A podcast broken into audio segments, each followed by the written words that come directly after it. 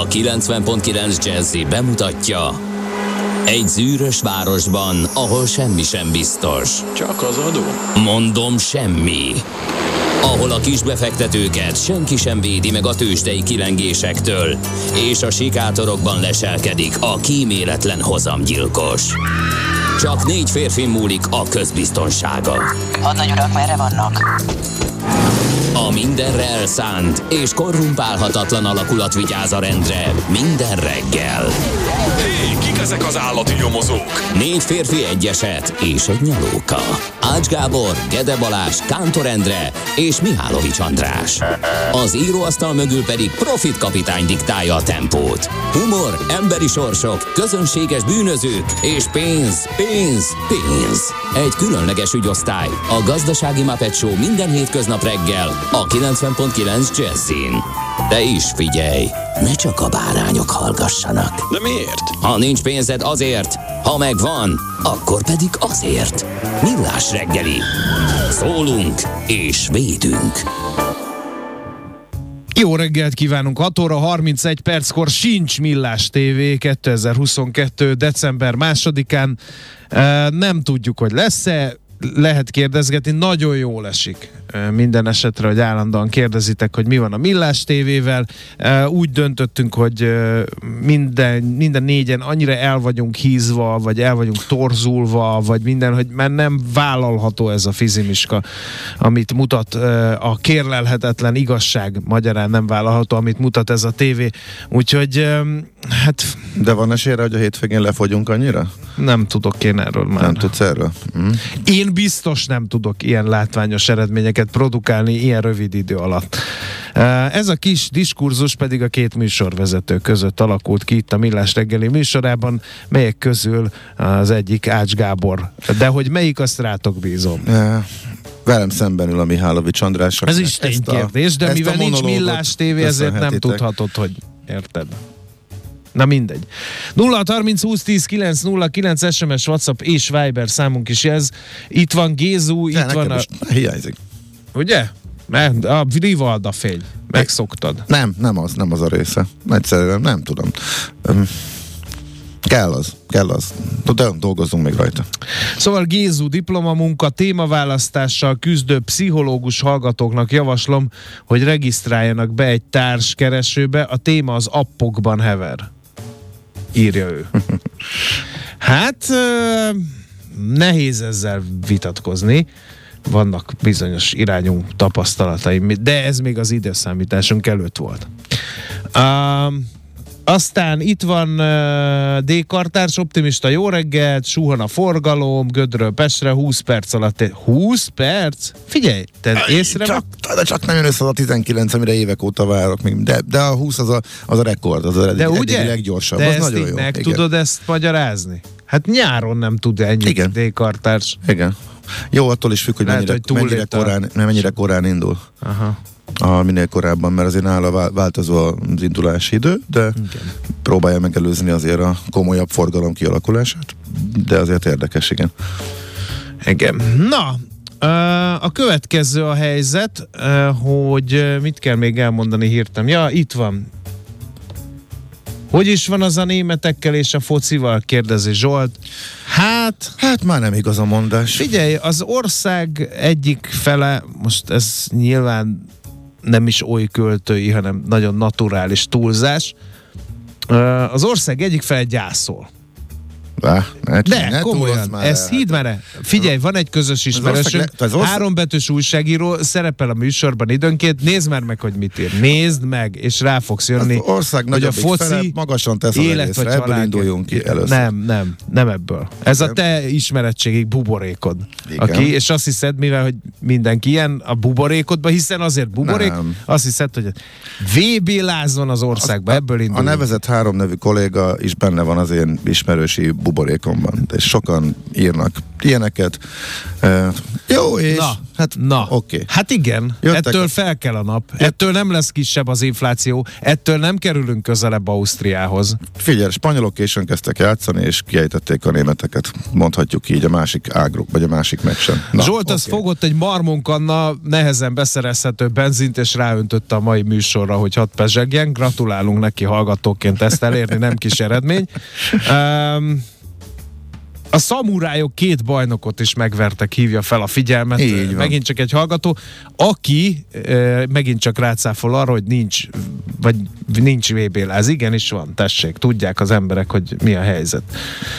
Um, azt mondja, hogy ha a Millás TV újraindulásához az orszátok átszabását, újraindulását az orszátok átszabásához kötitek, várnatok kell a 3D nyomtatás eh, applikáció kifejlesztésére, amúgy is nagy arcok vagytok, írja a hallgató, nagyon kedves ülj le egyes, ezt, neki, ezt tudom neki mondani. Na, um, szóval um, az ország egyik fele, remélem tudtok követni, az ország egyik fele az ugye gyászol, a másik fele pedig kárörvendő, és afviderzén, és söröcske, és most kezdődik a Jó, VB, hát és stb. oké, stb. igen, Tehát, hogy mélyen, németek, mélyen polarizált a magyar társadalom, Lépjünk a német túl labdarúgó Kiestek a belgák is, oké, kész, jó, haladjunk. Ők, ő, ők, az ő irányukban nem. Jó, én értem, hogy náluk Csak egyébként- ekkora, de pontosan azért, mert a Most német, németek Mind a ketten egy platformon erősek. vagyunk, egyetlen egy mérkőzést nem láttam, részleteket láttam, mérkőzést átolt szettig nem láttam, mindig belebotlok a felvezető műsorokba, és ott elvérzek. Tehát ott Akkor azt, beszélsz róla ennyit? azért beszélek, mert ez az igény, ez a hallgató igény. De nem Vedd ez az.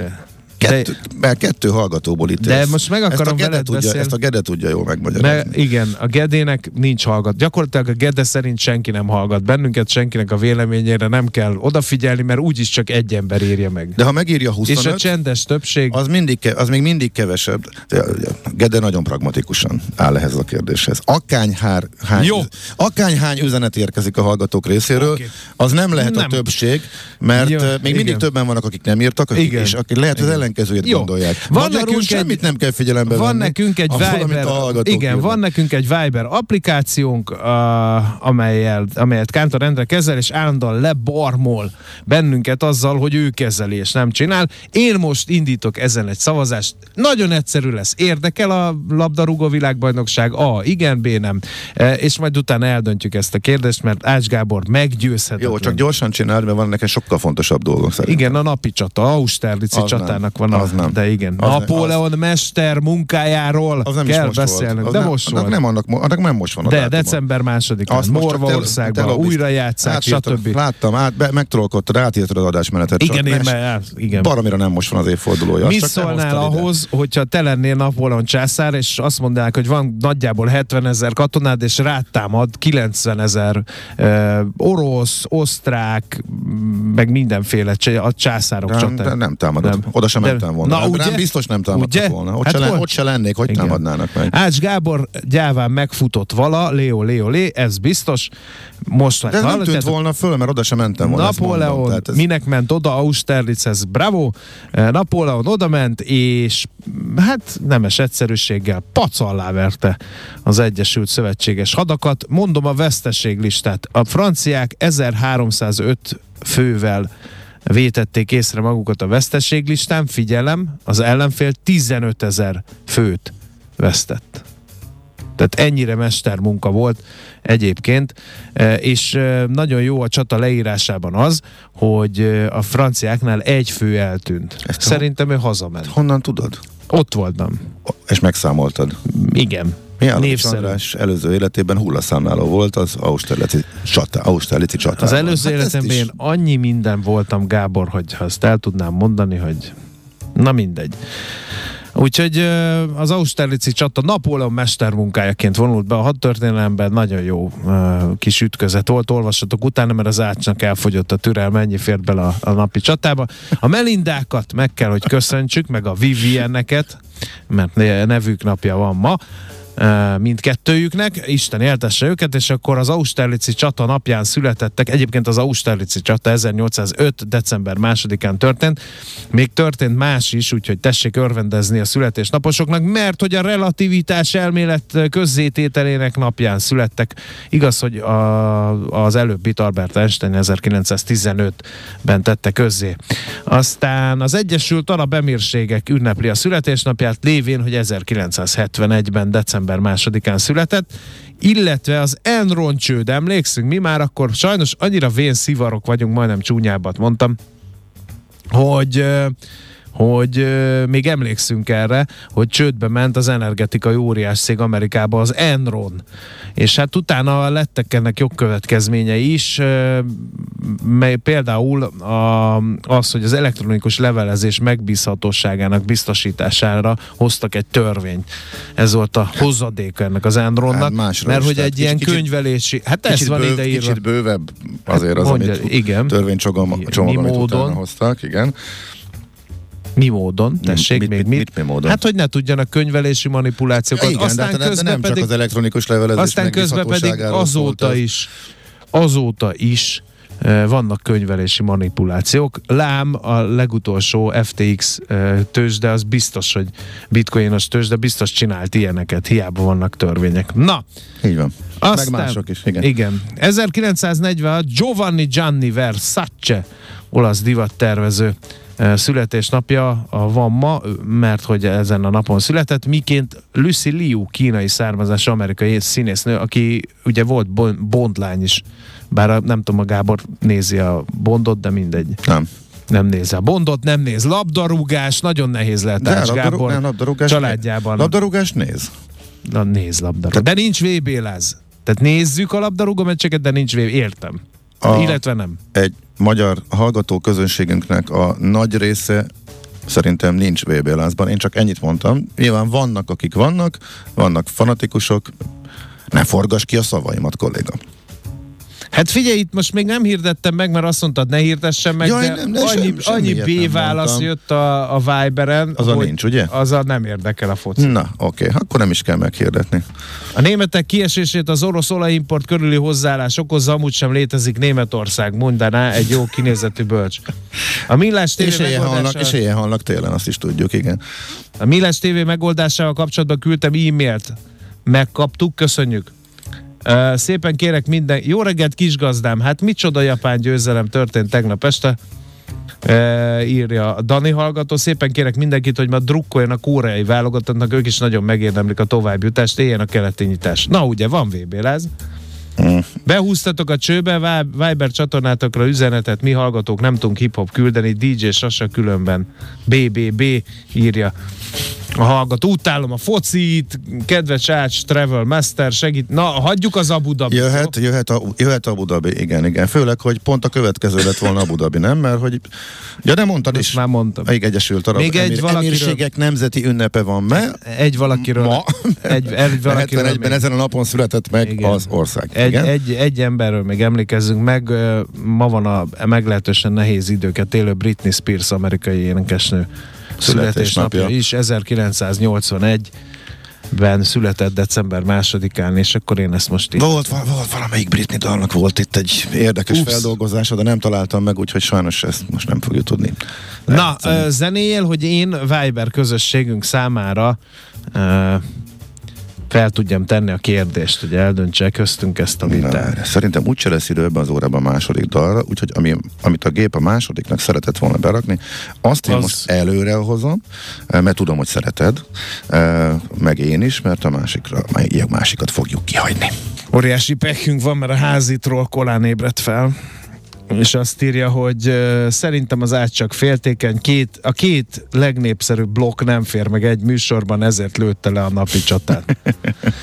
írja ő. Na, Na, hát miért meg volt végül is? de hogy volt a meg? Nem elhangzott. tudtam kifejteni a francia gránátosokat, meg a Napóleonnak az arab stelivérét, meg a mameluk testőrét, meg ilyesmit. Hát vagy vagy. Meg hogy hogy lőttek sortüzeket, és hogy miért nem volt ez akkor a húsdaráló, mint amennyire gondolnánk, mert Nem, annyira pontatlanok voltak az akkori kab, muskéták, műsor elkezdődik 30-kor. Ha nem 40-kor érnénk a napi csatához, akkor lenne rá idő. Így viszont más dolgunk van, így nincs. Mással eldumáltad a, a, erre szánt időt, ez, ez nagyon egyszerű. Tehát ez Na, nincs itt semmiféle. Népszavának. Kedvenc rovatom, a nincs. népszavának. De majd jó, jön még az is, majd hirtelen Hát nem lesz ma már nem lesz rá idő, Árs, sajnos. igen, az a Ácsiz Indiára se lesz. Arra van, az- az Ársapkás csak 5 literig, ha több, akkor piaci, szól ki a benzinkutas a Borsod-Dabói Zemplén megyei Szendrőn, a kocsiját tankolni készülő roma férfinak, az autósnak 20 kilométerrel Bódva Szilasról kellett jönnie, mert ott reggelre bezárt a helyi kút. Az 5 liter semmire se elég, tovább kéne menni, de fogalma sincs merre.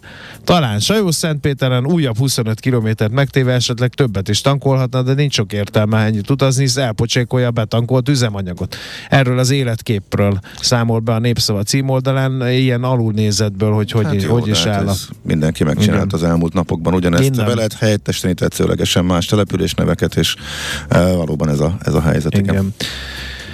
Magyarország szeptemberben az azt megelőző hónapnál 56%-kal drágábban, messze rekordszinten 1000 köbméterenként 1837 euróért vette az orosz gázt. Ezt számította ki a népszava a KSH külkereskedelmi adatbázis alapján. Ha ez nem lenne elég, az összeg körülbelül 9%-kal meg is haladta a holland tőzsde irányadónak tekintető júliusi 1684 eurós átlagárát. Sovány vigaz, hogy a viszonyítási alapú szolgáló TTF-nek is nevezett piaci szint júniushoz képest éppenséggel 6 vagy 60 ot ugrott. Putyinnak a tőzsdei ára rászámolt többletprofitja, tehát augusztushoz képest egy hajszállal csökkent, ezt is a népszavában olvasom. Nálad mi van? Tehát a 24-en olvasom, hogy beültek egy autóba, de rögtön kidobta a boltos taxis a, a társaságot, e, és nem sikerült kideríteni, hogy miért, meg hogy a cég sem válaszolt egy, e, egy ilyen ügy, e, amit nem értek, hogy a címben is benne van, hogy idős izraeli utasról van szó, de utána nem derül ki belőle, hogy ennek bármiféle jelentősége lett volna-e, illetve erről tudhatott-e a, a, a taxis, de többször is előjön a szövegben.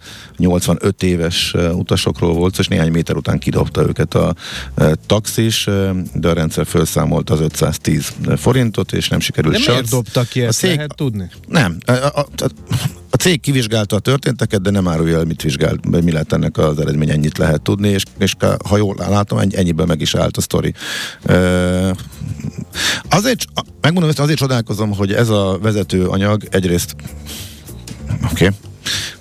hogy ez annyira fontos, másrészt meg azért tegnap mindenki elkezdte földolgozni, és szerintem ennél fontosabb nincsen, és kicsit meglepődtem, hogy ma nem jöttek újabb cikkek azzal kapcsolatosan, hogy mi van a feltételrendszerben, amit az uniós pénzekért Magyarországnak ki kell fizetni, mert kisebb cikkek már születtek, és azok elég durvák. Tehát nagyon-nagyon komoly vállalások vannak benne, illetve ezek a mérföldkövek, ezek nagyon-nagyon komolyak. E, tehát az, hogy a teljes transzparencia, és addig egy fillér nincsen, ameddig mondjuk meg nem szűn, szűnnek azok a dolgok, amiket fokozatosan vezettek be, akár csak a transzparencia témakörében az elmúlt e, néhány évben, hogy el lehessen titkolni, hogy ki és mit kapott uh-huh. az uniós pénzekből.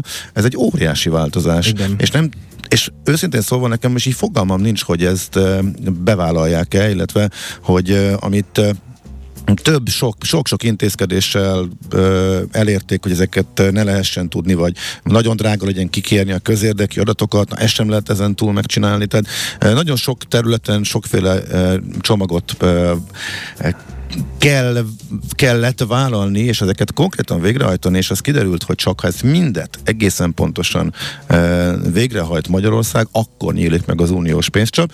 E, és mondom, csomó cikk erről, kisebb cikkek megjelentek, és azt gondoltam, hogy ma reggel e, komolyabb összefoglalók születnek, születnek erről, de lehet, hogy még nem volt e, idő. Szerintem ez most a legérdekesebb és a legfontosabb történet, e, mert e, ezzel a végül is a rendszernek a alapműködése kell, hogy megváltozzon.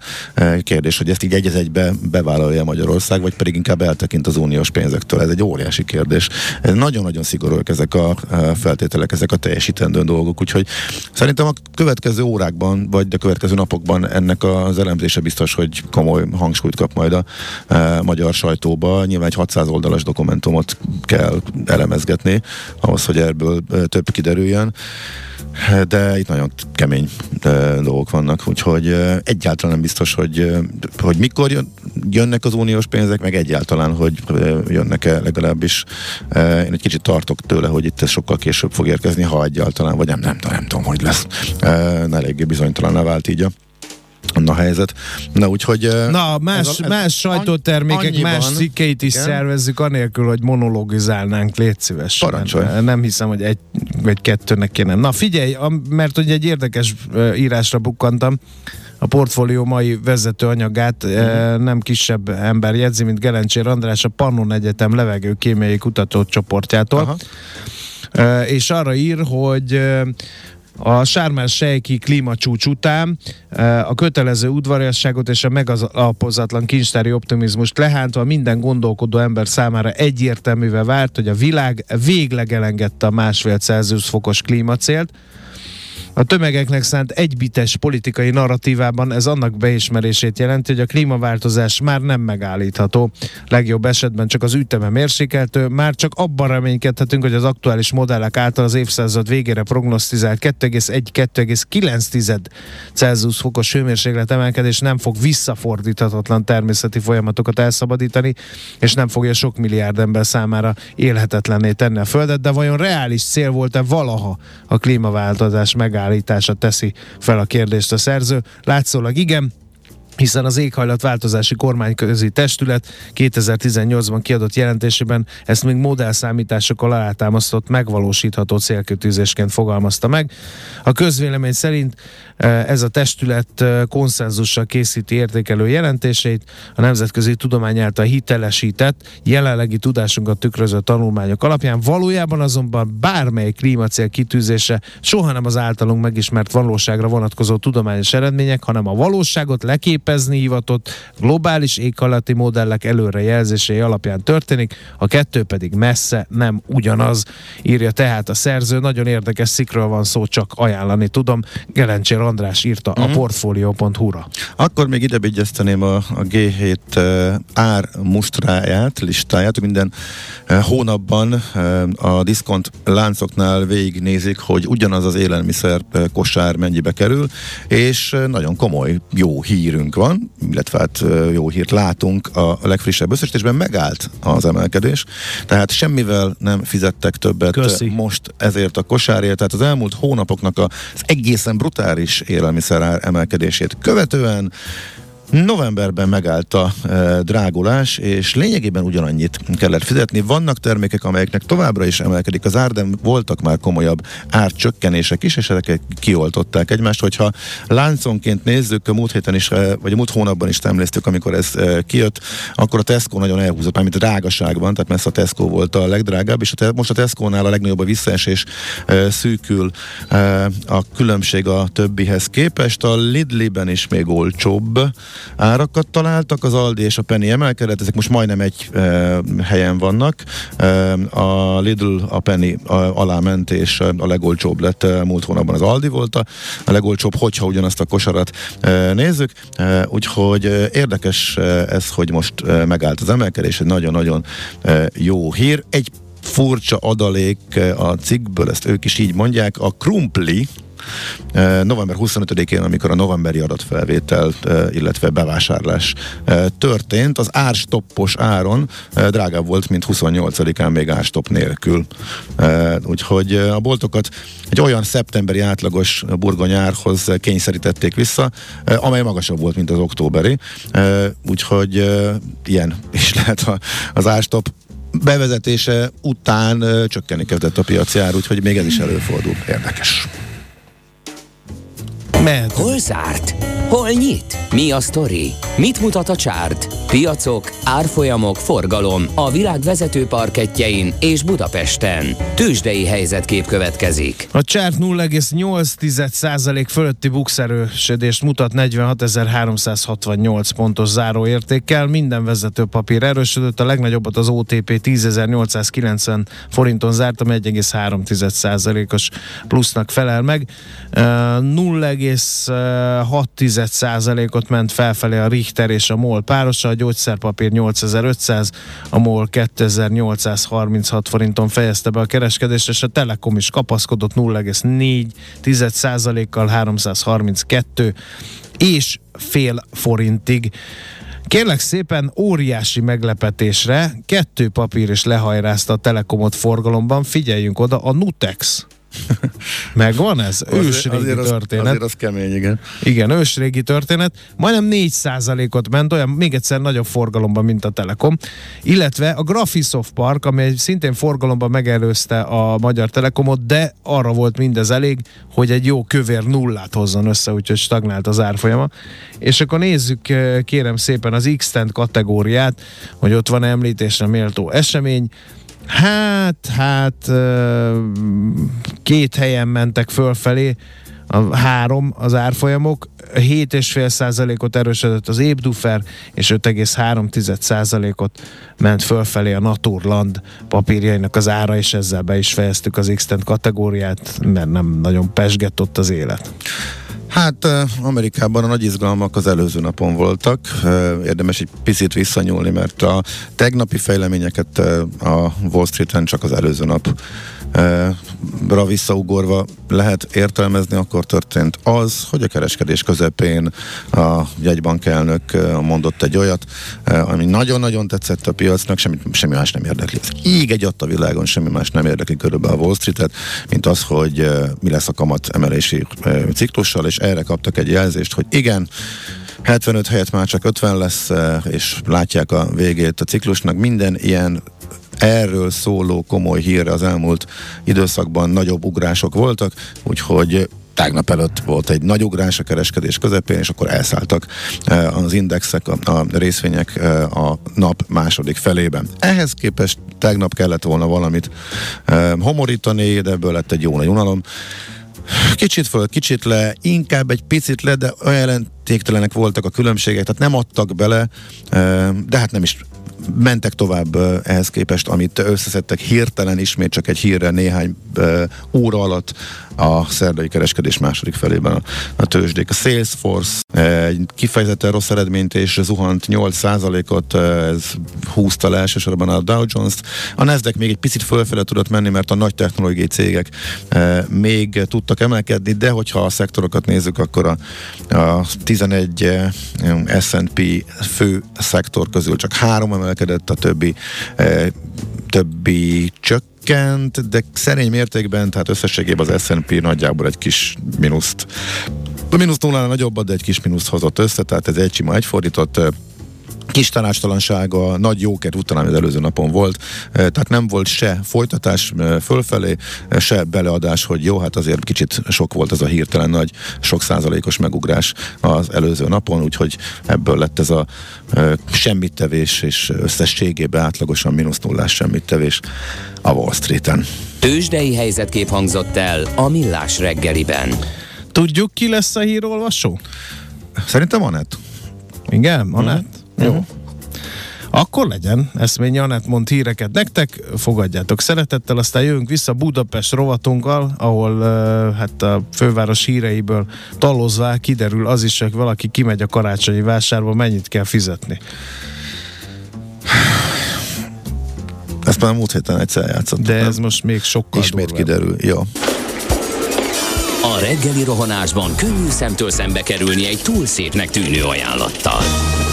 Az eredmény krétával körberajzolt tetemes összeg. A tethelyen a gazdasági helyszínelők, a ravasz, az agy és két füles csésze és fejvállalakzat. A lehetetlen küldetés megfejteni a Fibonacci kódot. A jutalom egy bögre rossz kávé és egy olyan hozamgörbe, amilyet még Alonso Mózli sem látott. Millás reggeli, a 90.9 Jazzy Rádió gazdasági mapetsója. Vigyázat! Van rá engedélyünk! A Millás reggeli fő támogatója a Schiller Flotta KFT. Schiller Flotta and Rent a Car. A mobilitási megoldások szakértője a Schiller Autó tagja. Autók szeretettel. Jó reggelt kívánunk, 2 óra 12 perc van és folytatódik a Millás reggel itt a 90.9 Jazzy Rádion Ács Gáborral. És Mihálovics Andrással. Meg a hallgatókkal 0 30 20 10 909 akik furcsa módon pro vagy kontra leginkább a labdarúgással foglalkoznak, bár a mai hírcsokrot is színesítették mindenféle uniós hírekkel, meg napelemes hírekkel, meg mindent berimánkodva a lapszemlébe, de az meg ugye lepergett, úgyhogy teljesen mindegy, hogy mi történik. Viszont mi közlekedési információkat nem kaptunk tőlük, úgyhogy nekünk kell ezeket elmondani. Budapest legfrissebb közlekedési hírei, itt a 90.9 jazz Sajnos a korai óra ellenére van egy balesetünk, ez pedig a Szentendrei úton történt, kifelé szerencsére, már hogyha egy baleset lehet szerencsére. A Bogdáni út után a felüljáron, a külső sávban esett meg ez a baleset. Máshol én nem tudom, hogy Látok-e valamit te? Én a szokásosnál, tehát a 7 óra körül megszokott uh, súrlódásokhoz, torlódásokhoz uh, képest egyedül a tízes úton látom uh, öröm előtt, hogy lassabb a haladás, mint amit ilyenkor megszokhattak az autósok, uh, úgyhogy inkább a hallgatóktól várjuk a okay. további kiegészítéseket. Jobb, ha az ember a dolgok elébe megy, mert azok aztán nem mindig jönnek helybe. Millás reggeli. No, hát akkor nézzük meg, hogy milyenek a, a gazdasági kilátásaink. Egészen pontosan bezárul-e ez a bizonyos fejlődési csapda. Bejó Pál a Policy Agenda kutatási igazgatója van a vonal túlsó végén. Jó reggelt kívánunk! Jó reggelt kívánok! Először is mi az a fejlődési csapda, aminek a bezárulta nem lenne jó dolog? Hát igen. Kezdetben ugye a fejlődést a bruttó hazai termékkel, vagy az egyfőre jutó GDP alakulásával mérték, de ez ki, ki kell, hogy bővüljön azzal, hogy hát az életszínvonal és a lakosságnak a társadalmi vonatkozású fejlődése hogyan alakul. Közepes jövedelmi csapda elméletek vizsgálják azt, hogy mi van akkor, amikor egy ország közepes jövedelmi szintet elér, és akkor utána stagnálni kezd a növekedése. Ha hosszabb ideig ez fennáll, akkor van ugye egy ilyen jövedelmi csapda.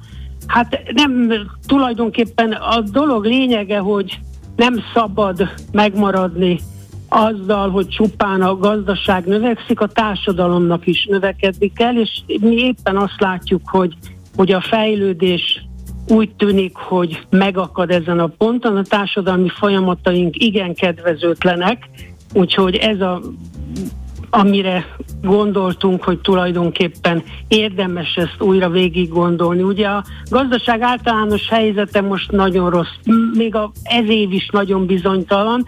Következő negyedévekben recessziót várunk. Elképzelhető ugye, hogy a a GDP bővülés az csak jövő év második fél évében lesz megint két-két és fél százalékos, ugye az előző negyed évhez képest az infláció stabilizálódni fog, ugye valószínű, hogy 20 százalék fölé megy, de hát év végére, jövő év végére is lehet, hogy csak 10 százalék körüli marad. A költségvetés semmiféle jelentős fejlesztést nem tesz lehetővé, az államadóság csökkenése is csak kismértékben lehetséges, úgyhogy úgy tűnik, hogy ez egy nagyon-nagyon kedvezőtlen helyzet, ami uh-huh. jelenleg van. Ugye a társadalmi folyamatok az, ami igazán... Ezekről igazán is beszéljünk. Gondolom, gondolom hogyha, hogyha nem jó a gazdaság helyzete, vagy éppen magas az infláció és drágák a hitelek, akkor ez a bizonyos lakossági fogyasztás, amiről sokat szoktak beszélni, az ezt meg fogja sínyleni. Ha már nem sínylette meg most is. Ez így van. Ugye beszéltem én arról, hogy fejlődési csapda helyzetben vagyunk, tehát a gazdaság szerkezete nagyon komoly fenntarthatósági problémákkal terhelt, és nagyon lassú lesz a, ebből történő kilábalás. Ugye alacsony az innovativitás, az importált tudás, technológia hiányzik igazán, alacsony a termelékenység, hatékonyság, magas az energiaintenzitás, a környezeti terhelés nagyon magas. Lassú volt az elmúlt időszakban a belső erőforrás fejlesztés, és amit említenek, és erre volt Európai Uniós kutatás is, mikor a fejlődési csapdát vizsgálták két évvel ezelőtt, hogy a digitalizációs fejlődés milyen, és Magyarország hát a visegrádi országok között a legutolsó, nem nagyon rossz, de de a legutolsó helyen vagyunk a digitális eredmények felhasználásában. Igen. Tehát, Már mennyire segítenek ezekben a társadalmi folyamatokban ezek az árplafonok, hiszen ezek inkább tekinthetők szociális intézkedéseknek, sem mint gazdaságiaknak. Hát úgy tűnik, igen, hogy a, az árplafonok fenntartása nem képzelhető el sokáig. Ugye valószínű, hogy a költségvetésnek szigorítani kell, és komolyabb megszorításokra is szükség lesz, akkor nyilván, hogy nem lehet ezeket sem fenntartani. Tehát ahhoz, hogy a magas költségvetési hiány csökkenhessen, és a gazdaságot ne terjel, ne terhelje tovább az amúgy is nagyon magas adósságszolgálat, ehhez sajnos a fogyasztói árakban is kell valamiféle változást csinálni. Érdekes egyébként ugye az a helyzet, hogy a, a magas árak és az infláció az a költségvetésnek rövid távon ugye kedvező helyzetet okozhat, hiszen megnőnek jelentősen az áfa bevételek, de ez már középtávon vissza fog ütni a, a helyzetet, tehát ez semmiféleképpen nem jó. Az infláció nagyon érinti a társadalomnak gyakorlatilag minden rétegét, kit jobban, kit kevesebb mért, vagy kisebb mértékben, de vajon ez mikorra szelídülhet? Ezt szerintem nagyon sokan kérdezik Hát mostanság. nem tudom, igen, jelenleg ugye a társadalmi folyamatok egyre kedvezőtlenebbek, ugye fejlődési csapda, úgy indult a cikk, ez ez azt jelenti, hogy hogy mennyire jó Magyarországon élni, ugye? Ez egy, ez egy hatalmas nagy kérdés, és ugye a gazdasági növekedés mellett a Human Development Indexet nézzük, megnézzük az egyfőre jutó nemzeti jövedelem mellett, megnézzük azt is, hogy milyen a, az élettartama a, a lakosságnak, ugye az sem túl kedvező, és megnézzük, hogy milyen az oktatásnak a színvonala, hát egészségügy, oktatás, hát ezek a kérdések Magyarországon jelenleg nagyon intenzíven érdeklődés központjában vannak. Tehát a magyar háztartások fizetőképessége hatalmas eset, és hatalmasat esett, és lehet, hogy már a mélypontján van. Ez azért Tehát, ha furcsa, mert... Igen. igen. Ez A azért furcsa, bocsánat, most egyszerre beszélünk mindig, akkor hagyjon be jó párt beszélni, elnézést. A rezsicsökkentésnek a részleges megszüntetése pedig ugye háztartásoknak mint egy negyedének a költségvetését fogja veszélyeztetni. Tehát vannak ennek veszélyei, ugye, hogyha megszűnik az ásapka, megszűnik a rezsicsökkentés, ezzel számolni kell, igen. Um, vannak ilyen érdekes adatok, amit általában felhördül a közvélemény, mikor megír a sajtó, és értetlenül áll előtte. Ilyen például az egyfőre jutó kereset, ami, ami ilyen meghökkentően magas tud lenni, a lakosság pénzügyi vagyona, amit a jegybank szokott közölni, az is ilyen olyan számokat tartalmaz, ami, ami meghökkentő, és hát ehhez képest ugye azt halljuk, hogy a társadalmi folyamatok egy, egyre kedvezőtlenebbek. Ez hogy lehet akkor magyarázni? Ez egy látszólagos ellentmondás ugyanis.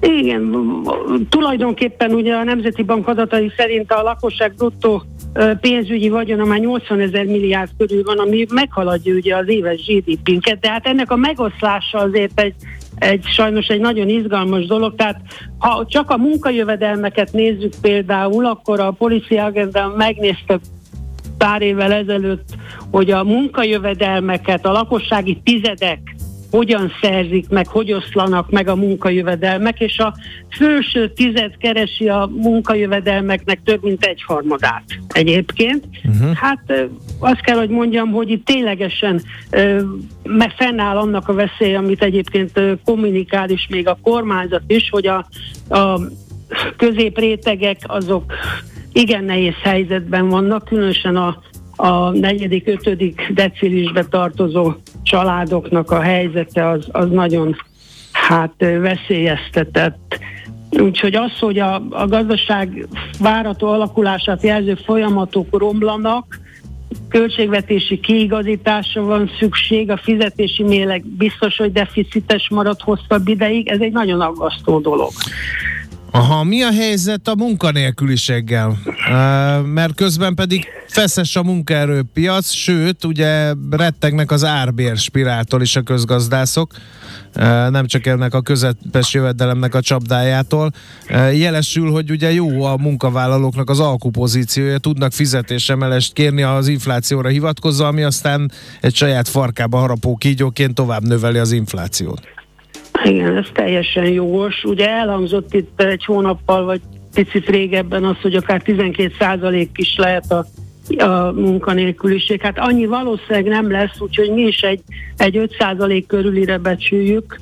Ö, valóban az a helyzet, hogy, hogy lesznek elbocsátások nyilván, vannak olyan ágazatok, amelyeknek a, a termékei iránti kereslet vissza fog esni, valószínű, hogy a vállalati szféra nehezen tudja kigazdálkodni azt a jogos munkavállalói igényt, hogy az inflációhoz közelítő béremeléseket kapjanak a dolgozók. Ugye ez egy nagyon nehéz dolog. Most nagy viták vannak, és hát én nem tudom, hogy, hogy ténylegesen el lehet-e érni azt, hogy, hogy inflációhoz közeli béremelés legyen? Valószínű, hogy nem. Uh-huh. Legalábbis rövid távon. Úgyhogy ez egy nehéz dolog. Lesznek elbocsátások, valószínű, hogy már most is karácsony előtt is nagyon sok ilyen hát helyzetet tapasztalunk. Kellemetlen, igen, ez nem, mindenképpen nagyon sok család életét fogja megnehezíteni. Nem árnyalja a képet a fekete gazdaság kérdése? Mert hallgatók némelyik szkeptikus, és azt mondja, hogy egy olyan országban, hogy az emberek javarésze, meg a cégek javarésze zsebből zsebbe fizet, lehet, hogy a hivatalos statisztikák nem mutatják eh, annyira pontosan a helyzetet, és kicsit rosszabb a helyzet, vagy jobb a helyzet annál, mint amit mutatnak a statisztikák. Elképzelhető, hogy, hogy a rejtett gazdaság, a fekete foglalkoztatás az, az ténylegesen megélénkül. Egész biztos, hogy, hogy erre utaló jelek is vannak. Az tény, hogy a NAV ugyanakkor elég keményen behatárolta ezeknek a lehetőségét, tehát ez, ez mm, jelenleg már azért nem olyan könnyű a vállalatoknál, kis cégeknél a második, harmadik klasszak kialakítása. Tehát azzal, hogy, hogy kötelező számát adni, a NAV elméletileg minden pénzmozgásról tud, hát azért ezek behatárolt dolgok. Uh-huh. Mi lesz a beruházásokkal? Itt meg azt szokták mondani, hogy túl drága a hitel, és ezt lehet a, a magánszemélyeknek szóló hitelekre és a vállalati hitelekre egyaránt mondani. Ilyenkor azért nem szoktak költeni az emberek mondjuk tartós fogyasztási cikre, a vállalatok meg fejlesztésekre. Igen, egész biztos, hogy a beruházások azok visszafogottabbak lesznek. Már most érezhető az, hogy a vállalati szféra megint abban a helyzetben van, hogy, hogy erősödik a pessimizmus, nem csak a munkaerőpiacnál nyilván, hanem a beruházásoknál is. Ugye az energia ár is hatalmasan megnövekedett, ez is egy nagy bizonytalanságot jelent. Az pedig, hogy a kamatok hogy alakulnak, hát ez egy, ez egy további további hát nehézsége a vállalatok által elhatározott fejlesztéseknek, beruházásoknak. Csökkenni fognak egészen biztos.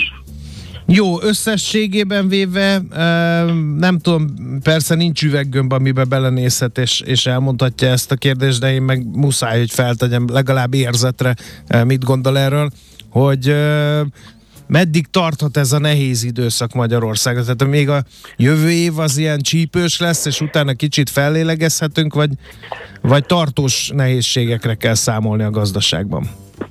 Hát hosszabb ideig maradhat az infláció. Úgy tűnik azért, hogy jövő év végére ha minden igaz, akkor egy számjegyű lesz. Nyilván ennek vannak statisztikai magyarázatai is.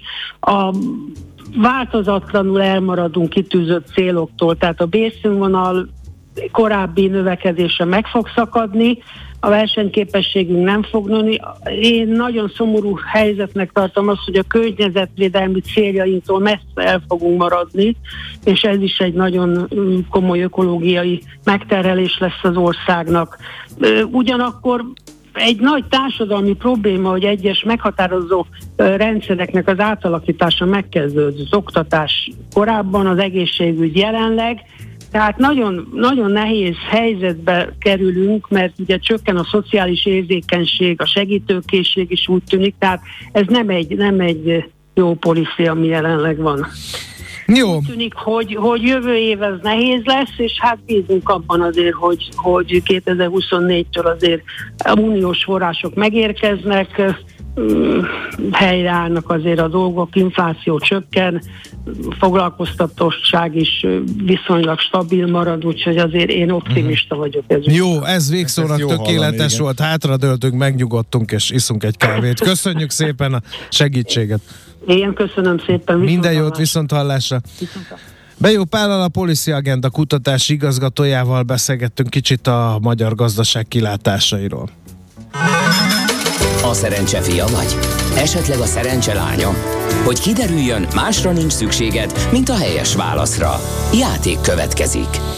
Heti nyereményünk egy kettő főre szóló exkluzív vacsora Huszár Krisztián séf fogásaival a Show Restaurant Bar and Café felajánlásában. Mai kérdésünk, hogyan nevezzük a paprika félékben előforduló, azoknak csípős ízt adó hatásért felelős alkaloidot? A. Kapszaicin, B. Piperin, vagy C. Paprikanid. Hova küldjük a megfejtést? Figyeljünk oda, A helyes megfejtéseket ma délután 16 óráig várjuk a játékkukac jazzy.hu e-mail címre. Kedvezzem ma neked a szerencse! Budapest, Budapest, te csodás! Hírek, információk, érdekességek, események Budapestről és környékéről.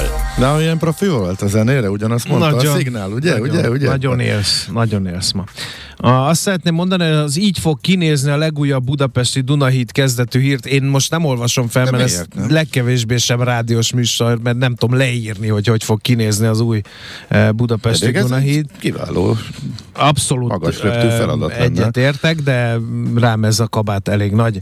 Um, inkább a mai Index vezetőt eh, mondanám, ugye két karácsonyi vásárt végigjártak az Index munkatársai, és megnézték, hogy mit és mennyiért lehet ott eh, venni. Eh, Három deci forralt bor az 1200 forint, ez az Advent Bazilikánál található ár. A Mint gyümölcsös ahogy- verzió ugyanezt, 1005, Ugyanezt a Telex megírta a múlt héten, igen, de Na, fő az, hogy sertés, ismét. jó, akkor én befejeztem. Nem, nem, hallhatták csak, a múlt héten csak, a hallgatók, én tényleg ennyi, 1000, 1002 egy forradból a bazilikánál. A hány decis? Három decis. A három decis, igen. Uh, és az 50 ára emelkedés. Én most a múlt hetiből idézek emlékezetből, és borzasztó nagy emelkedés van a, a, az árakban.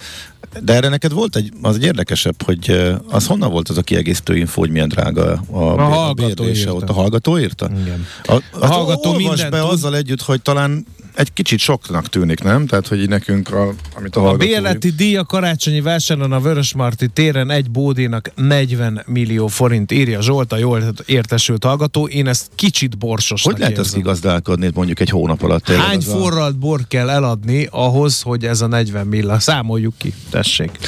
De ha nem forralt bor, akár... Okay. Hát dehogy nem, hát- Ott, ott vannak a méregdrága ételek is, de hogy... Hát nem tudom. Lehet. Hallgató valószínűleg jobban tudja. Ha ez így van, akkor ez önmagában megmagyarázza a viszonyatosan magas árakat. Én nyíregyházi árakkal tudok e, szolgálni, mert ott kolbászoltam a hétvégén. E, ott 200 per e, per deci a forradbor, hogyha jól emlékszem. De most egy Na kicsit most el is bizonytalanodtam. Figyelj, 33.333. Ennyi forradbor kell eladni. És akkor ez még az eladási ár, és akkor még nem volt bekelköltség, ugye? Hát nyilván azon csak van valami. Hány nappal számoltál? Hány napos Hát- kizotartással? Hát ahhoz, hogy kijöjjön ez a 40 Ja, hogy a 40 milliót osztott el milliót, simán igen, a, igen. a, és ezt egy egy hónap alatt, akkor. Aha. ugye azt elosztott 30-al, és akkor mondjuk, mert vagy minden nap nyitva van? Csak minden nap Minden nyitva nap van. itt van. Akkor minden, igen. minden nap 1000, 111 Hm. Forralt bort kell eladni. Az, az, az érdekes. Na jó. Uh, jó számol. tényleg nagyon drága lett, ez kétségkívül így van, és ebben valószínűleg szerepet játszik az is, hogy uh, nagyon megemelték a bérleti díjakat. Tényleg jó lenne itt akkor még pontosabban számolgatni, meg tisztán, tisztán látni. Az is egyértelmű, hogy vidéken fele ár, vagy kétharmadáron vannak ugyanezek a, dolgok, legalábbis amire én jártam. A beszerzési árakban ekkora különbség nincsen, tehát mindenképpen szerepet játszik az, hogy itt sokkal többet kell fizetniük az árusoknak. Ennyit tudunk biztosan. Fogaskerek ügyben vannak fejlemények. Itt egy, egyébként egy jó nagy katyvasz van. Tehát mi változott meg eh, ahhoz képest, hogy leállítják térre, mert hogy óriási veszteség lenne, utána, mintha a BKK is hátrálna ebből, kiderült, hogy nem is olyan drágán kapja a BKK az áramot, mint ahogy kapta volna, és a fővárosi közgyűlésben a 12. kerületi polgármester javaslatát szavazták meg mindenki, tehát, vagy majdnem mindenki, arról, hogy újra fog nyitni a fogaskerekű, és a pótlás sem olyan lesz, hogy nincs csak a felső szakaszon, hanem a lenti szakaszon is van, de mondom, hogy itt, hogy ezek után ezek hogy jöttek egy, majd hogyan függnek össze, az akármennyit próbáltam utána olvasni, e, tegnap ezt senki nem tette tisztában, hogy a sajtóba és e, zavaros, az biztos, hogy van egy komoly változás, és mint úgy tűnik, hogy a politika mindkét oldalon, tehát a a városvezetés is, és a, és a, és a Budapesten ellenzékben levő e, Fideszes oldalról e, is e, átléptek a BKK-n, és a fogaskerekűt fontosabbnak tartják. E, kijött még egy info, hogy már az építési engedélyt meghosszabbították. BKK még beszólt, hogy ez a kormányon múlik már, mint a meghosszabbítás, de hogy a meghosszabbításnak az szerintem az ég a világon semmi köze nincs ahhoz, hogy télen zárva van-e, vagy mikor nyit e, újra. Tehát az, hogy bevezetik-e a fogast a Moszkvára, vagy bocsánat, Szélkámán térre, meg e, fönt is, hogy tovább viszik a normafához, egy másik kérdés. Ugye egy kicsit katyvasz van, a lényeg az, ebből próbálom kihámozni, hogy a bizonytalan idejű leállítás helyett azért egy konkrét ítéle, ígéret van, nem ítélet. Természetesen arra, hogy újra nyit a fogaskerekű, és addig is normális buszos pótlás lesz az alsó szakaszon is, meg a, a felsőn, és remélem, hogy jól foglaltam össze, javítsanak ki a hallgatók, akinek bővebb információja van, és e, ebből, ha valami nem egészen stimmel. Nekünk a Gellért hegy a Himalája. A Millás reggeli fővárossal és környékével foglalkozó rovata hangzott el. Nem lehet úgy megoldani egy problémát, hogy az ember karosszékben üldögélve olvas róla az újságban. Millás reggeli.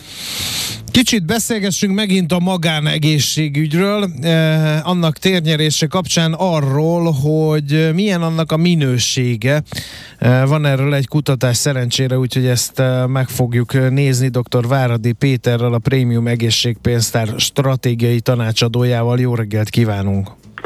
Jó reggelt kívánok, üdvözlöm a hallgatókat. Hát ugye az állami egészségügyben menjünk végig a, az orvos-beteg folyamaton. Először is nem kapok időpontot csak hónapok múlva, hosszas küzdelem után teszem hozzá, mert nem veszik fel, kinyomnak, stb. Nem visszahívni persze, hogy nem, e-mailben nem lehet, időpontot fognak, stb. Hónapok múlva kapok valamit, várok 60 órán keresztül a rendelőben, majd bejutok, és ez a jó, haladjunk gyorsan, mi fáj, ez jó, oké, átnyugalom, te a viszontlátásra, menj, nem érek rá, menjünk, menjünk. Tegyük hozzá, ki, nem mindig, de, nem mindig, de ez az átlag, igen, átlag igen. amit mondasz. Tehát valahogy ez a, ez a mi tapasztalatunk az, át, az állami egészségügyben. Uh, gyanítom, ez is egy olyan probléma, amire uh, rárepültek a magánszolgáltatók.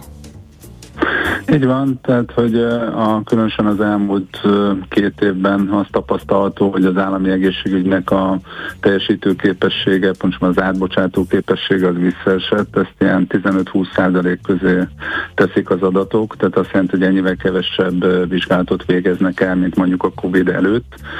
Amiről beszélünk, az főleg járóbetegellátás, tehát mi is azt kutattuk, nem pedig a, a fekvőbeteget, uh-huh. tehát arról beszélünk, amikor, amikor majd problémánk van, és azt nem befekvéssel, hanem csak egy orvos meglátogatásával próbáljuk megoldani. De ez baj egyébként, hogy visszaesett ez a bizonyos mutató? Az átteresztő képesség? Mert ez azt is mutathatja, hogy többet foglalkoznak egy beteggel, ami meg nem feltétlenül baj. A helyzet ennél sokkal bonyolultabb, uh-huh. tehát hogy több összetevője van. Leginkább azt teszik a szakértők ennek a hátterében a legfontosabbként azt jelölik meg, hogy, hogy gyakorlatilag a hálapénz kiesésével illetve az orvosi béremeléssel egy negatív hatás jött, tehát az orvosok több pénzért kevesebbet dolgoznak. Azt, hogy milyen minőségben, azt a, a mi kutatásunk egy picit körüljárja. A helyzet nem annyira rossz, mint amit leírtak itt a bevezetőben, tehát az átlagellátás nem ennyire rossz, de azt lehet látni, hogy egy jelentős különbséget érzékelnek a, az emberek a magán és az állami között néhány szempontból. Na, a mi kutatásunk ugye egy reprezentatív kutatás volt, ez, ez ezer emberen ö, ö, kérdeztük meg azt, hogy a, a legutolsó találkozása, akár állami, akár magán alatt mi történt vele. Ebből az látszik, hogy valóban a várakozási időben, tehát az időpont foglaláshoz való várakozási időben van egy jelentős különbség.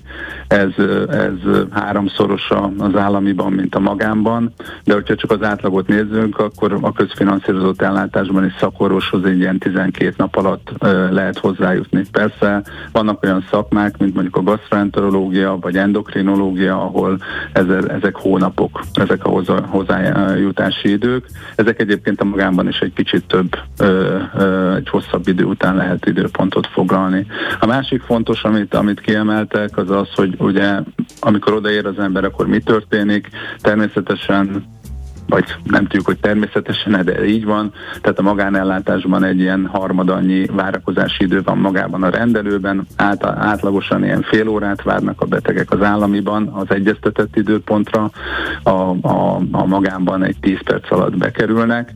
Ami még fontos az az, hogy mi történik bent, tehát a, az államiban egy átlagos vizit az olyan 14 perc, egy magánban 18 perc, tehát ez nem egy... Hát ez nem egy olyan ordítós különbség, különbség pedig én Igen. valahogy így, valahogy többet láttam.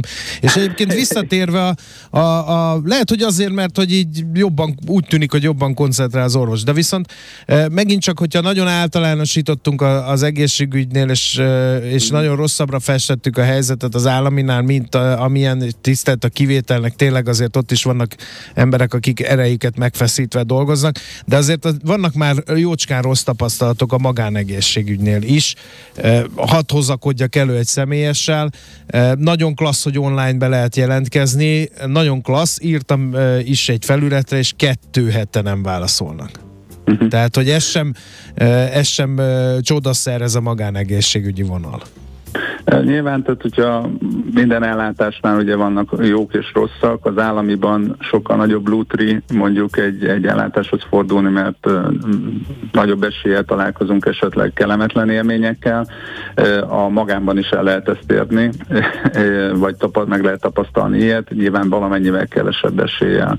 Ami fontos még, ugye, ugye azt néztük, hogy mi történik a, az orvoshoz fordulás előtt, ez az időpontfoglalás, uh-huh. a mhm. várakozás, stb. És mi történik alatta. Itt, és valóban úgy tűnik, hogy a magánellátáshoz fordulók egy, egy nagyobb odafordulást tapasztalnak az orvosoktól, nagyobb arányban hallgatják meg a panaszaikat, nagyobb arányban kérdezik meg a korábbi betegségeiket, nagyobb arányban vizsgálják meg őket, ami Kicsit megdöbbentő, hogy az állami ellátásban ugye a viziteknek a 30%-a e, nál magasabb arányban tapasztalják azt a betegek, hogy meg se vizsgálják őket, vagy nagyon felületesen e, teszik ezt, és hát e, sok sokkal nagyobb arányban érzik partnernek az orvost az magánellátásban, tehát itt az állami ellátásban az odafordulók 25%-a úgy érzi, hogy vagy lekezelték, vagy kicsit felülről beszéltek hozzá. Az állami ellátásban ez így van, a magánban ez az arány sokkal kisebb. De ezek a problémák, amiket itt említettem, tehát hogy nem kérdezik ki, nem hallgatják meg, nem vizsgálják meg, nem fordulnak eléggé oda, ezek ugyanúgy az állam, a magánban is előfordulnak, csak kisebb arányban. Ami az egész megítélése, inkább szakmai megítélése a két szektornak, amit a betegek megélhetnek, illetve ők nem orvosok, főleg nem felülvizsgáló orvosok, tehát ők se tudják, hogy mi történik valuk, velük valójában a vizit alkalmával, de, de az a megélés, hogy most biztonságban van, vagy nincs biztonságban, tehát az orvosnak a szakmaiságának a megítélése az sokkal közelebb áll egymáshoz a magánban és az államiban. A magánellátásban a betegek 76%-a érezte azt, hogy ez így rendben van, az államiban 72. Tehát ez egy fontos probléma, mi úgy gondoljuk, hogy ezt a, ezt a betegek által, vagy a páciensek által megért minőséget, ezt nagyon fontos követni. Ebből megpróbálunk egy indexet képezni, egy ilyen magyar járóbeteg minőségi indexet, amit aztán évente visszamérünk, és akkor azt láthatjuk, hogy ez merre mozdul el. Reméljük, hogy a jó irányba mozdul el, és akkor ezt tudjuk lekövetni, de hogyha ez nem így lesz, akkor arról tudunk beszélni, hogy milyen területeken csökkent minős, a megélt minőségben uh-huh. növekedés, illetve csökkenés. Um, egészségpénztári szolgáltatót képvisel, meg kell kérdeznünk hmm. azt, hogy ez látható-e a költéseken? Az, hogy a magánellátásban kicsit jobb színvonalat kapnak és tapasztalnak a járóbetegek? Hát évek óta az egészségpénztáraknak a szolgáltatási palettájában jelentős részt tesz ki a, a járóbetegellátás, magánegészségügy, ez ilyen 35-40 százalék között van az elmúlt években egy emelkedő trenddel, tehát azt mi is látjuk, hogy sokkal többen fordulnak a magánirányába, mint, a, mint korábban. Jellemző az is egyébként, hogy, hogy, a, hogy ezt a fiatal generáció teszi meg főleg, tehát hogy ez a magán költés, ez, ez már olyan 35 év körül elkezdődik, és magas szinten marad egészen az élet végéig. Ugye az államiban való költésnek teljesen más uh-huh. mintázata van, hiszen minél betegebbek vagyunk, annál, annál inkább ö, fordulunk az állami ellátáshoz.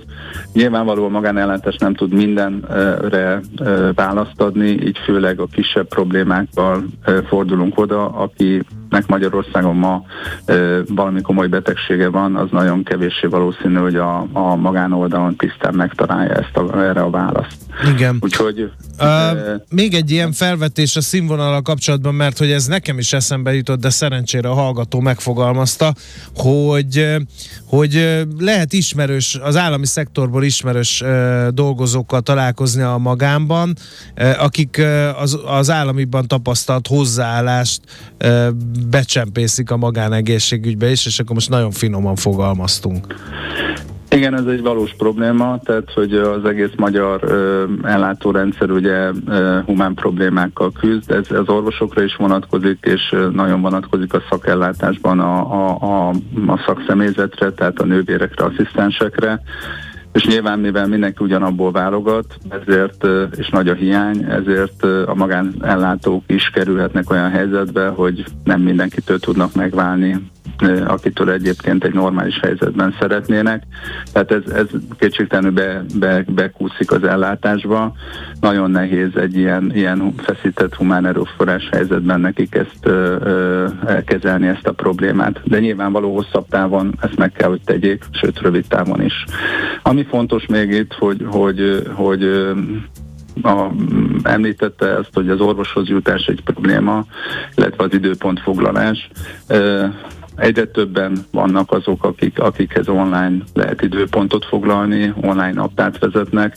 Például a mi pénztárunk, a Prémium Egészségpénztár is biztosít ilyen felületet, ahova online lehet bejelentkezni, és nem kell az e-mail, válasz e-mailekre várni online ki is lehet fizetni a vizitet, és ez egy sokkal kényelmesebb és egyszerűbb megoldás. Ráadásul rövidesen ezeknek a, a, a minőségi tapasztalatoknak a, a birtokában azzal is tudjuk az ügyfeleket valamennyire segíteni, hogy tájékozódjanak arról, hogy mások mit láttak egy adott szolgáltatónál, hogyan értékelték az ő teljesítményét. Tehát a célunk az az, hogy ne csak pénzügyi segítséget nyújtsunk azzal, hogy rajtunk keresztül vásárolt szolgáltatásokra ugye 20%-os adókedvezményt lehet igénybe venni, hanem segítsük azt, hogy az emberek a jót és a jó helyen és a jó áron vásárolják. Nagyszerű, végszónak tökéletes. Köszönjük szépen a beszélgetést. Köszönjük szépen. Minden jót. Dr. Váradi Péterrel, a Prémium Egészségpénztár stratégiai tanácsadójával beszélgettünk arról, hogy milyenek a, a magánorvoslás mutatói, minőségi mutatókról volt szó elsősorban. Mi a pénteki konklúzió a hét legfontosabb eseményeinek és adatainak tükrében? Zárjuk a pozikat és pihenjünk rá a hétvégére. Milyen események hatnak a piacra a hétfői nyitásban? Devizák, részvények, tőke és árupiacok. Heti események és jövő heti felkészülés. Értékpercek. A millás reggeli treasury rovata következik. A vonalban itt van velünk Fodor István, az OTP Global Markets Treasury üzletkötője. Jó reggel, szervusz! Sziasztok, jó reggelt, üdvözlöm a hallgatókat!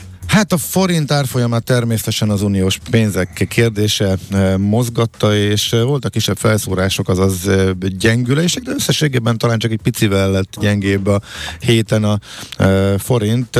Most a legfrissebb verzió az az, hogy nagyon-nagyon szigorú feltételek teljesítése esetén érkezhetnek majd csak az uniós pénzek leghamarabb jövő év második felétől, addig ezeknek a feltételeknek most nagyon leegyszerűsítve megfelel Magyarország. Ez azt jelenti, hogy akkor ezt így a piac nagyjából beáraszta, és arra számít, hogy ezek teljesülnek, vagy mit lehet ebből levonni? Inkább azt mondanám, hogy felkészítettek minket a várható döntésre, és ez végül is óriási meglepetést nem hozott már. De hát valóban jó néhány hete, hónapja ez a legnagyobb hazai sztoria forint helyzete mögött, hogy mi is lesz az EU-s pénzek sorsa. És hát annyiban egy újabb mérföldkőz érkeztünk a héten, hogy hivatalos formában is nyilvánosságra hozta az Európai Bizottság a javaslatát, viszont ezt a verziót ugye korábban megfelelőztették már, tehát nagy részt ismertük, hogy mire lehet számítani, néhány konkrétummal azért okosabbak lettünk. Vegyes az összkép, mert a leghúsba vágó verziót azt sikerült elkerülni, ugyanis a helyreállítási alap az elfogadásra került, ennek az esetleges elutasítás az konkrétan forrásvesztéssel fenyegetett volna. Ugyanakkor pénz továbbra sincs, ezt a kérdést lényegében tavaszra tolták a tárgyalófelek. És ha a forint oldaláról közelítjük a kérdést, akkor azt látjuk, hogy a döntés óta visszatértünk a 4 tízes zónába, tegnap egészen 4-13 fölé gyengült a forint az euróval szemben, és hát ennek a gyengülésnek talán szót érdemel egy másik komponense is, ugyanis hát fű alatt megint nagyon látványos emelkedés mutatkozik a gázárakban.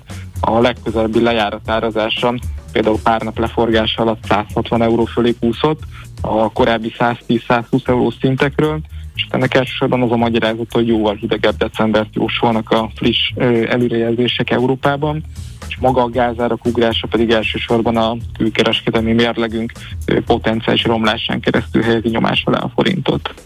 Uh-huh, Oké, okay. a továbbiakban most a uniós pénzek kiesnek a uh, fókuszból, mert most uh, ha a tanács is megszavazza a várakozásoknak megfelelően azt, amit a uh, bizottság uh, javasolt, uh, akkor most egy háttérmunkaidőszak uh, következik arról, hogy akkor uh, teljesül, nem teljesül, illetve a feltételeket, mérföldköveket elérje uh, Magyarország. Uh, akkor ez kevésbé lesz a piac fókuszában, ha igen, akkor mi lesz helyette? Azt gondolom egyébként, hogy továbbra is fókuszban marad, talán hasonló időszakra számíthatunk, mint az elmúlt egy-két hónapban, amikor ugye, ahogy te is említett, folyamatos háttérmunka zajlott, ugyanakkor hírek, információk azok időről időre szivárogtak, és ezek nagyon látványos mozgást is okoztak a forint piacán. Azt hozzá kell tenni, hogy magát ezt a bizonytalan környezetet tipikusan nem szereti a forint, és hát hogyha ez a döntés elhúzódik, ennek azért lehetnek más következménye is. Idén már nem számítunk ilyenre, de jövőre például évelején megszólalnak majd a hitelminősítők a, a magyar besorolás kapcsán. Ott már ö, kedvező lenne, hogy esetleg valamilyen pozitív fordulat mutatkozna a tárgyalásokban, vagy esetleg látszód ennek a, a konkrét végpontja mikor is lehet végleges döntések kérdésben. Uh-huh. Oké, okay, akkor beszéljünk, ha már szóba került a gázár. Az olajára az OPEC-re figyel, ugye? Ugye ez az olajpiac. Lesz most hétvégén egy OPEC döntés, és a következő havi kitermelési sarokszámokról fognak dönteni, és amiért most különösen érdemes beszélni erre a döntésről, az, hogy szokatlanul nagy a bizonytalanság itt is, két dolog miatt, elsősorban a kínai Covid helyzet miatt, ahol rekordszámú ö, esetek mutatkoznak, és hát ennek következtében is messze elmarad a kínai kereslet a korábbiaktól. Másrészt egy másik jelentős piacon az Európai Unióban épp próbálnak tető alá hozni egy úgynevezett ársapkát az orosz olajra. Ez tegnap egy ideiglenes megállapodás formájában létre is jött, és hát ennek a piaci hatásai miatt megint csak óvatosak lehetnek az OPEC tagok. A piaci szereplők egy elég nagy valószínűséget, kb. egy ilyen 70%-ot tulajdonítanak annak, hogy a kitermelés kisebb, vagy akár egészen jelentős visszavágását jelenthetik be a hétvégén. Tulajdonképpen az lenne a vaskos meglepetés, hogyha szinten tartanák a kitermelést, és ez megint a 90 dolláros egységgel irányába terelheti a Brent és a WTI járatásukat. Uh-huh, hát ez se annyira jó hír így elsőre. Kanyarodjunk rá a makroadatokra, bár az az érdekes helyzet állt elő, hogy nem a makroadatok dobták meg az euró árfolyamát, illetve a tőzsdéket, illetve indították el a lejtőn a dollárt. Elég volt, hogy megszólaljon az amerikai jegybankelnök, ugye? Igen, igen, elég fontos kommenteket közölt a piacra, hogyha makro oldalról kezdjük, akkor azt látjuk, hogy kifejezetten kedvező képet mutatnak egyébként a, mind a fontosabb tengeren túli, mind az eurózónás adatok a gazdaságok állapotáról. Mindenek előtt jelentősen korrigálták az amerikai harmadik negyedéves GDP adatot. Ez a korábban ismertetett 2,6% helyett 2,9%-os bővülést mutat, és hát hogy utaltál rám, perdán megszólalt Jerome Powell fedelnök, és lényegében rövidre zárta azt a spekulációt, hogy milyen mértékben is szigoríthatnak a jegybankárok a decemberi döntésen. Kifejtette, hogy nem elégedett ugyan az infláció alakulásával, de mindenképpen lassítani fognak a 75 pontos lépés közön, hogy nagy valószínűséggel egy 50 pontos emelés van még hátra idén, és hát több sem kellett a dollárnak, azonnal sikerült 1,05 fölé gyengülnie, nyár elején mozgott utoljára ezen a szinten az euró-dollár devizapár. Hát nagyon kemény, egy jócskán járt paritás alatt is, és beszéltünk többször arról, hogy átépte jobbra-balra a paritást, azóta azért egy 5%-os gyengülés, az kemény. Most ez egy látványos eltávolodás, és egyébként az amerikai GDP-hez hasonlóan Európa is tartogatott egy meglepetést, ugyanis hát hosszú idő után először tudunk olyan eseményről beszámolni, hogy egy inflációs tényadat alulmúlja a várakozásokat, nem ez volt a trend mostanság. Itt éves szinten az októberi 10,6%-ról novemberre 10%-ra mérséklődött az adat, és hát az igazi fordulat az havi alapon mutatkozik, ugyanis novemberben 0,1%-kal csökkentek az árak magát az adatot megelőzően még Kriszti Lagarde úgy vélekedett, mint LKB elnök, hogy ő személy szerint nagyon meglepődne, hogyha az októberi adat jelentette volna a csúcsot az eurozónában, még lát komoly kockázatokat rövid távon, de ez most egy érdekes fordulatnak mutatkozik. Akkor lehet, hogy most nagyon meg fog lepődni. Igen. Legalábbis nőtt az esélye, jócskán nőtt az esélye. Na, erre vonatkozólag milyen adatok érkeznek a jövő héten, amelyek kapcsán majd esetleg még tisztábban láthatunk? Ma délután még érdemes figyelni Amerikára, ugyanis egy munkaerőpiaci adat érkezik, itt a munkanélküliségi ráta stagnálását jósolja a piac. Jövő héten jön az eurózónából a GDP adat, és hát Magyarországon pedig inflációs adatra figyelünk majd. Igen, az kiemelkedő lesz ismét, arra így van. számíthatunk, így van. Oké, nagyon szépen köszönjük az összefoglalót, jó munkát, Köszönöm szép napot. szépen én is. Köszönöm a figyelmet, sziasztok, viszont hallásra. Fodor Istvánnal az OTP Global Markets Treasury üzletkötőjével beszélgettünk. A hét legfontosabb eseményei és jövő heti felkészülés, értékpercek, a millás reggeli Treasury robata hangzott el. Mackó kollega, tessék a mikrofonhoz hajolni és belebeszélni valamit. Jó napot kívánok! Igen. A hallgatói SMS-eket talózom. Látom. Egészen megdöbbentő sztorik Igen. jönnek az egészségügyből. Ne várt, hogy összefoglalja, mert nagyon hosszú mindegyik. Uh, inkább uh, ismét bemondanánk, hogy a, a Millás TV adása napok óta nem nézhető Igen, hallgatónak, hogy ez még egy darabig így is lesz. Technológiai problémáink vannak és ezt nem tudjuk átlapátolni egyelőre. Mit szerettél volna üzenni az egészségügyi beszélgetés utáni zeneszámmal, ami a tekiláról, a nemi életről, illetve alternatív gyógymódok. A tudatmódosító szerek egyik fajtájáról szól. Nem teljesen véletlen volt, de én is jót mosolyogtam közben. Manu Chao volt egyébként, aki nem tudta volna. Aztán valaki azt írja, hogy Miálovics azért vár sokkal többet, mert korábban véleményt formált, és ennek hangot is adott. Ugyanezt Ácsúrról nem tudnám elképzelni, írja Simon hallgató. Hmm. A magánban sem sokkal jobb a helyzet, írja egy Érdekes hallgató. A gyermekgyógyászatra még sokkal rosszabb az államiban a helyzet, mint a felnőtt. De egyébként ez tényleg tök érdekes, hát nekem is jött. olyan tapasztalatom volt, amikor először mentem magánba, azt mondtam, hogy jó, akkor megnézem, rászánom, és akkor ilyen ég és föld, föld volt a különbség Nagyon. az első alkalommal. És utána többször is mindig jól átgondoltam, hogy mennyire sürgős, mennyire fontos, oké, rászánjam, kény kényelmi faktor, stb. De azért a már a harmadik, negyedik alkalom körül ott is voltak komoly problémáim, és nem éreztem azt a minőséget se, illetve azt a azt, azt és, a különbséget, és úgy igen, és ke, az, elkezdett azért ez összefogni. És az, az is egy jogos felvetés, és nekem is gyakorta eszembe jut, hogy lehet lamentálni a magánegészségügyről, de a befizetett TB ellenére nem működik az állami, a befizetést elvárják, behajtják, akkor a befizetéseinken lásson el ingyen a magány.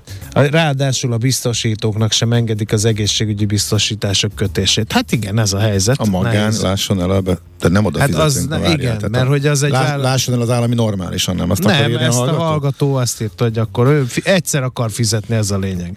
Uh-huh. De hogy akkor az állam kössön szerződést a magánszolgáltatókkal, Igen. hogy együtt normális Igen. minőséget, és ne kelljen ezen De, de hát milyen, É- csak figyelj, a villám bújjon a bocskorába a Magyar Kereskedelmi és Iparkamarának, ugye a katás cégemet beszántottam, abból nem kapok vissza egy huncut piculát sem, Jaj, de az a, hiányzik az, De- a, az az időarányos ezer forint, de, Istenem. de hát mi, a, mindegy, ez elvi kérdés. Értem. De ahogy megalapítottam a, a másik vállalkozásomat, adó, a, a kamara által szorgalmazott változásokhoz igazodván, azonnal megjelentek, hogy tartozom, és hosszas levelezésbe bonyolódtunk, hogy akkor ott nem fizettem be, vagy jól ott nem, emlékszem. nem használom el azt a kreditet, ami az év arányos részére jön, és ugye ehelyett jött egy másik vállalkozás, akkor azt számítsák be oda, de hát Ja, Istenem, engedd el. Nem ha, jó- tudom, nem, ha Gábor. jól rémlik, ha jól rémlik, képzeld, el, a héten, ha belehallgattam És egy... azt, mondod, azt mondod nekem, hogy én most fogjak meg egy 5000 forintot, és hajítsam ki itt az ablakon. Azt mondtam, hogy ez nem érdemes, És ebben nem érdemes ezen spanolni magatokat, és azért mondom a többes számot, mert, hogy hallgatok mindjárt nem, rám. belehallgattam egy Millás reggeli című műsorba a héten az autóban, és uh, egy másik uh, műsorvezető pontosan ugyanígy, és pontosan ugyanezen rugózott, és ugyanerre következtetésre jutott, hogy én most azért mosolygok egy kicsit magamba. Én is szembesülök a problémával, és nyilván egy B betűs szókapcsolat elhangzása után úgy döntöttem, hogy nem érdemes. Én írtam levelet. Na, hát ez, na, menjenek, és kész, és Nem ilyet. vigyék. Írtam, hogy egészségükre. kiszámoltam időarányosan, Oké, de, de dátum ezen szerint, én nem foglalkoznék hogy fel, tudják be ezt. Nyeljük. Nyilván nem Majd válaszol. Maci nyelljük lesz le. Nyelljük le, aztán Jó, tovább, meg szerintem. most nézzük a híreket. Eszmény Janettől, aztán jövünk vissza.